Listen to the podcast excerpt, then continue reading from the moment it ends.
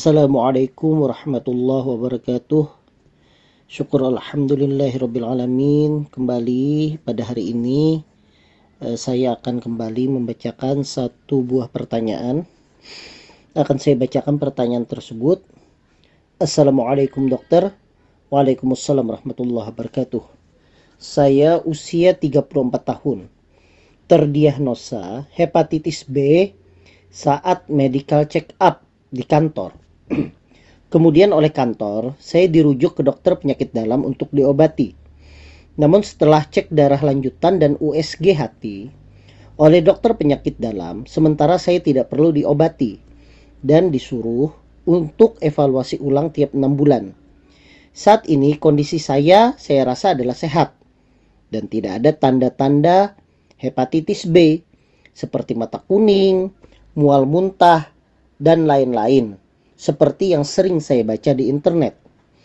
Yang jadi pertanyaan saya, kalau memang hepatitis B berbahaya, kenapa saya tidak diberi obat hepatitis? Apakah saya bisa sembuh dari hepatitis B tersebut? Kalau saya vaksin hepatitis B, apakah boleh, dokter? Terima kasih atas jawabannya, dok, dari hamba Allah. Baik, terima kasih atas pertanyaannya. Jadi pertanyaan ini adalah pertanyaan yang memang sering ditanyakan. Jadi kalau bisa dihitung mungkin sampai sekarang sudah puluhan pasien atau teman yang konsultasi kepada saya tentang yang namanya HBsAg baik dikatakan positif ataupun HBsAg dikatakan reaktif.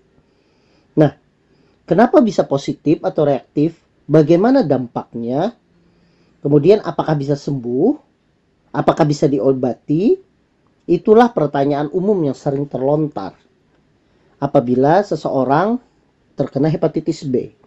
Bahkan perusahaan-perusahaan secara umum menjadikan patokan HBsAg negatif sebagai salah satu syarat menerima karyawan atau pegawai. Nah, jadi saya akan menjelaskan dulu apa itu hepatitis B dan bagaimana cara mendiagnosanya.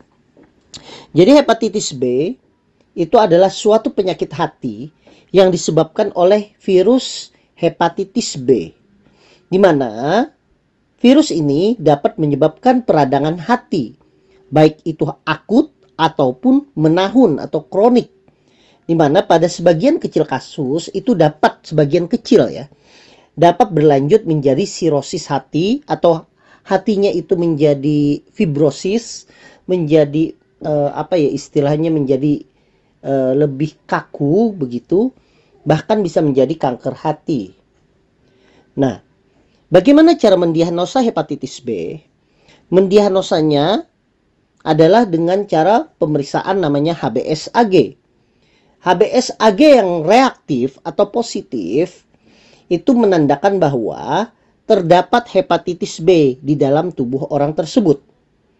HBsAg itu singkatan dari hepatitis B surface antigen, yaitu suatu protein permukaan virus hepatitis B di mana ketika dalam tubuh orang itu terdapat virus hepatitis B, maka akan terbentuk namanya antigen. Nah, itulah yang akan dilihat oleh laboratorium terlepas apakah sifatnya itu akut atau sifatnya itu kronik. Apakah dia itu akut atau dia itu aktif ataukah dia itu karier atau dorman. Terlepas dari itu, orang yang terinfeksi hepatitis B maka HBsAg-nya akan positif. Nah, virus ini tidak menyebar melalui makanan atau kontak. Kontak biasa misalnya bersentuhan ataupun misalnya melakukan aktivitas bersama. Dia menyebar melalui darah atau cairan tubuh penderita yang terinfeksi mengenai mukosa tubuh yang lain. Seorang bayi itu dapat terinfeksi dari ibunya karena proses melahirkan.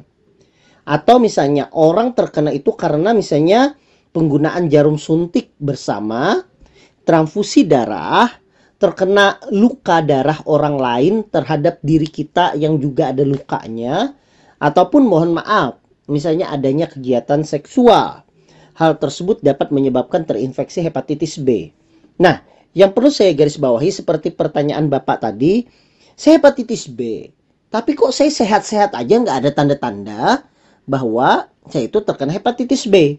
Nah, memang biasanya penderita tetap merasa sehat dan baik-baik saja di tubuhnya. Karena memang kalau seandainya hepatitis B-nya itu tidak aktif atau karier, maka tubuh itu tidak terjadi apa pun. Namun apabila perkembangan penyakit ini berlanjut, maka timbul gejala hepatitis B akut. Seperti apa hepatitis B akut? Misalnya, kulit dan mata menjadi kuning, air kencing yang berubah menjadi gelap seperti teh air teh, rasa tidak nyaman di perut, mual muntah dan sebagainya.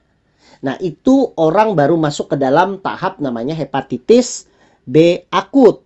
Tapi kalau seseorang itu tidak ada apa pun juga, tidak ada gejala dan sebagainya, maka dia disebut dengan hepatitis B kronik dan dia tidak ada gejala apa pun tidak masuk dalam keadaan akut.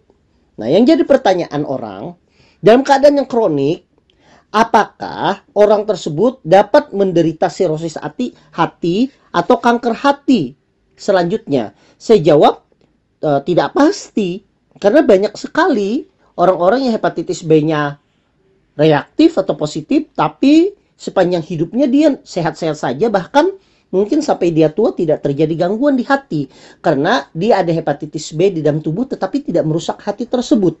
Nah, ini yang perlu kita perhatikan. Makanya itu, menjawab pertanyaan dari uh, penanya tadi, saya hepatitis B. Tapi kok tidak diobati oleh dokter penyakit dalam? Karena pada saat pemeriksaan lanjutan, jadi hepatitis B itu kan untuk menentukannya itu dengan memeriksa HBsAg. HBsAg yang positif dia tidak bisa membedakan apakah ini dalam keadaan akut, apakah ini kronik, apakah virusnya lagi berkembang dengan banyak, apakah virusnya ini masih berkembang dengan sedikit. Maka setelah hepatitis B-nya itu positif dengan pemeriksaan HBsAg, diperlukan pemeriksaan tambahan. Ada namanya pemeriksaan untuk melihat bagaimana enzim hatinya tersebut terganggu apa tidak. Maka diperlukan pemeriksaan namanya SGPT. SGPT yang normal walaupun HBsAg positif, itu menandakan bahwa hatinya tersebut baik-baik saja. Berbeda kalau SGPT-nya meningkat berkali-kali lipat berarti ada sesuatu kerusakan di hati tersebut. Kemudian kita juga melihat bagaimana jumlah virus hepatitis B-nya di dalam darah.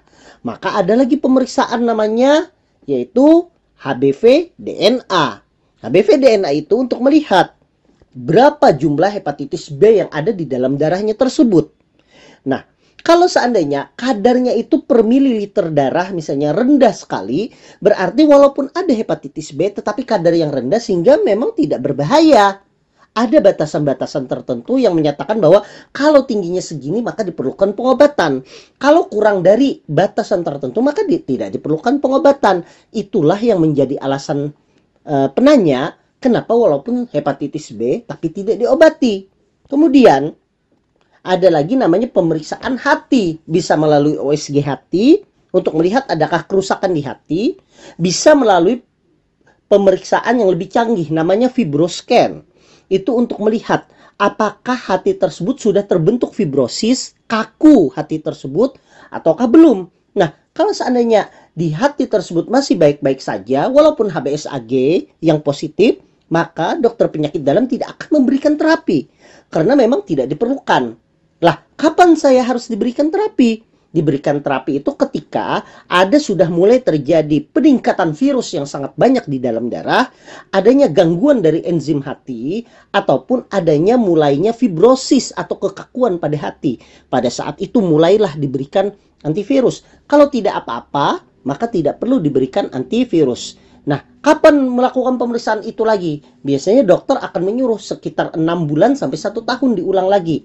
Atau misalnya sebelum enam bulan tiba-tiba mata berubah menjadi kuning ataupun kulit kuning ataupun ada mual muntah. Nah, itu hati-hati. Kalau itu tidak terjadi maka tidak diperlukan pengobatan. Ada lagi yang bertanya, saya dok, walaupun misalnya masih bagus-bagus saja, saya pengen diobati saja saya konsumsi sendiri obat antivirus untuk hepatitis B. Banyak obat antivirus untuk hepatitis B.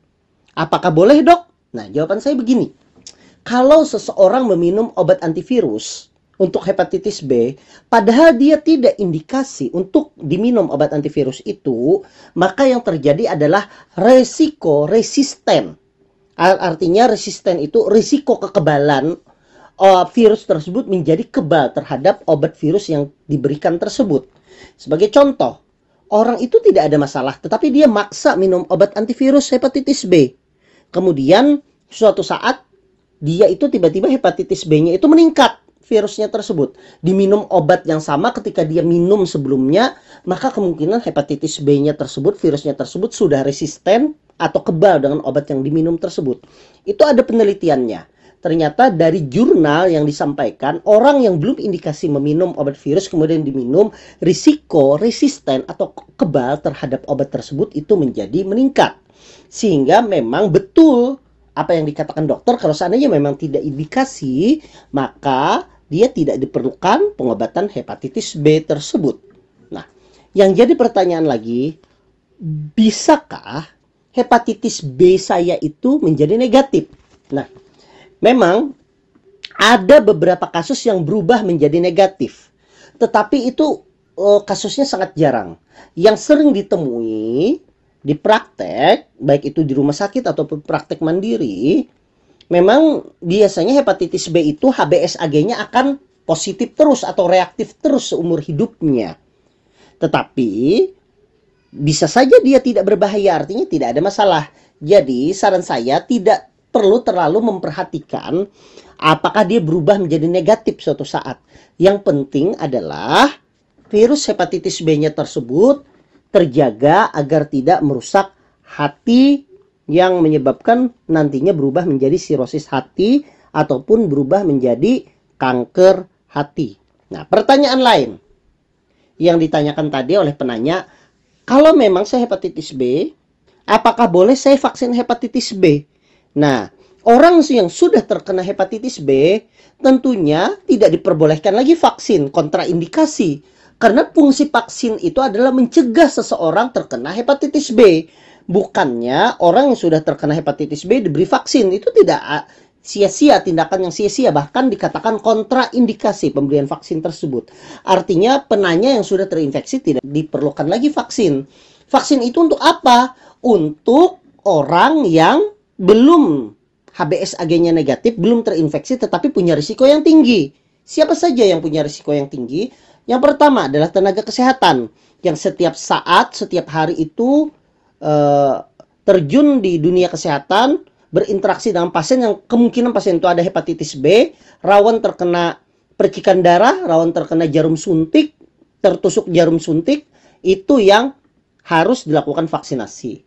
Kemudian yang kedua adalah pasangan yang terkena hepatitis B. Maksudnya begini, kalau seandainya penanya ini adalah laki-laki, kemudian penanya ini hepatitis B-nya positif, sedangkan pasangannya uh, istrinya itu ternyata HBsAg-nya masih negatif, maka sesegeranya pasangannya tersebut atau istrinya itu harus vaksin hepatitis B. Supaya apa? Mencegah dia terkena hepatitis B juga dari pasangannya tersebut. Atau misalnya dari anaknya. Anaknya kebetulan ternyata HBsAg-nya negatif. Segera dilakukan vaksinasi hepatitis B. Karena kan setiap hari berinteraksi. Takutnya nanti ada luka dan sebagainya. Itu bisa terjadi penularan. Itu fungsinya dari vaksinasi. Jadi bukan untuk mengobati vaksin, tetapi untuk mencegah supaya hepatitis B-nya itu tidak terkena pada dirinya. Kalau sudah positif tidak perlu lagi. Bagaimana vaksin itu bekerja? Jadi, ya, ketika virus itu masuk ke dalam tubuh seseorang yang belum ada HBsAg-nya negatif tetapi dia punya kekebalan terhadap hepatitis B, maka yang terjadi adalah tanggapan kekebalan tubuh itu kuat.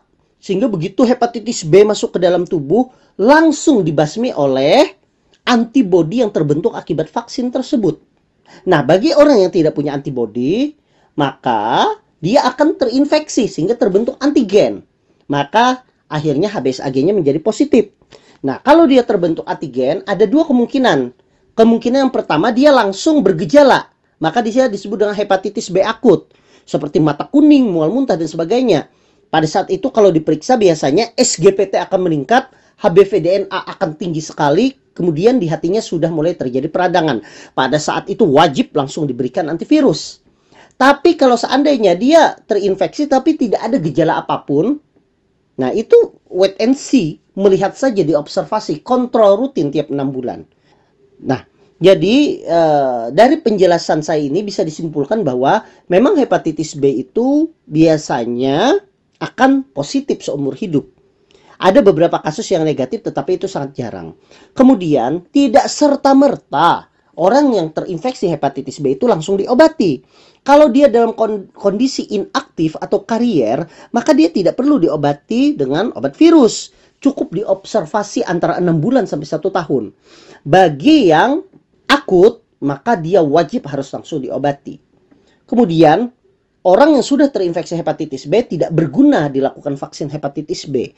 Yang berguna itu adalah orang yang belum pernah terkena dan dia punya risiko terkena. Karena apa? Dia misalnya tenaga medis ataupun tenaga yang bekerja di rumah sakit atau dia punya pasangan yang terinfeksi hepatitis B atau di keluarganya ada yang terinfeksi hepatitis B. Wajib bagi dia untuk dilakukan vaksinasi atau orang yang punya penyakit ginjal kemudian dia rutin cuci darah kebetulan dia HBsAg-nya negatif dia sebenarnya harus segera dilakukan vaksinasi hepatitis B agar uh, karena orang gagal ginjal itu sangat risiko yang cuci darah itu terkena hepatitis B melalui uh, reaksi pada saat dia melakukan cuci darah tersebut. Mungkin itu saja yang bisa saya jawab. Semoga ini bisa bermanfaat bagi kita. Saya doakan kepada Bapak agar selalu terlindung oleh bahaya penyakit ini agar Allah menjaga Bapak kepada penanya agar tidak semakin memperparah penyakit tersebut. Semoga diberikan yang terbaik. Dan kepada seluruh jamaah yang ada di sini, saya doakan semoga kita semua selalu sehat, diberikan perlindungan oleh Allah Subhanahu wa taala. Andai pun kita mendapatkan sakit oleh Allah, kita segera disembuhkan dan andai pun sakit itu berlanjut, yakinlah bahwa sakit itu adalah salah satu cara Allah untuk menggugurkan dosa kita sehingga kita kembali menjadi orang yang bersih nantinya. Demikian apa yang saya sampaikan. Sungguhnya kita hanya berusaha, tetapi kesembuhan dan pengobatan itu berasal dari Allah Subhanahu wa taala. Terima kasih atas perhatiannya. Wassalamualaikum warahmatullahi wabarakatuh.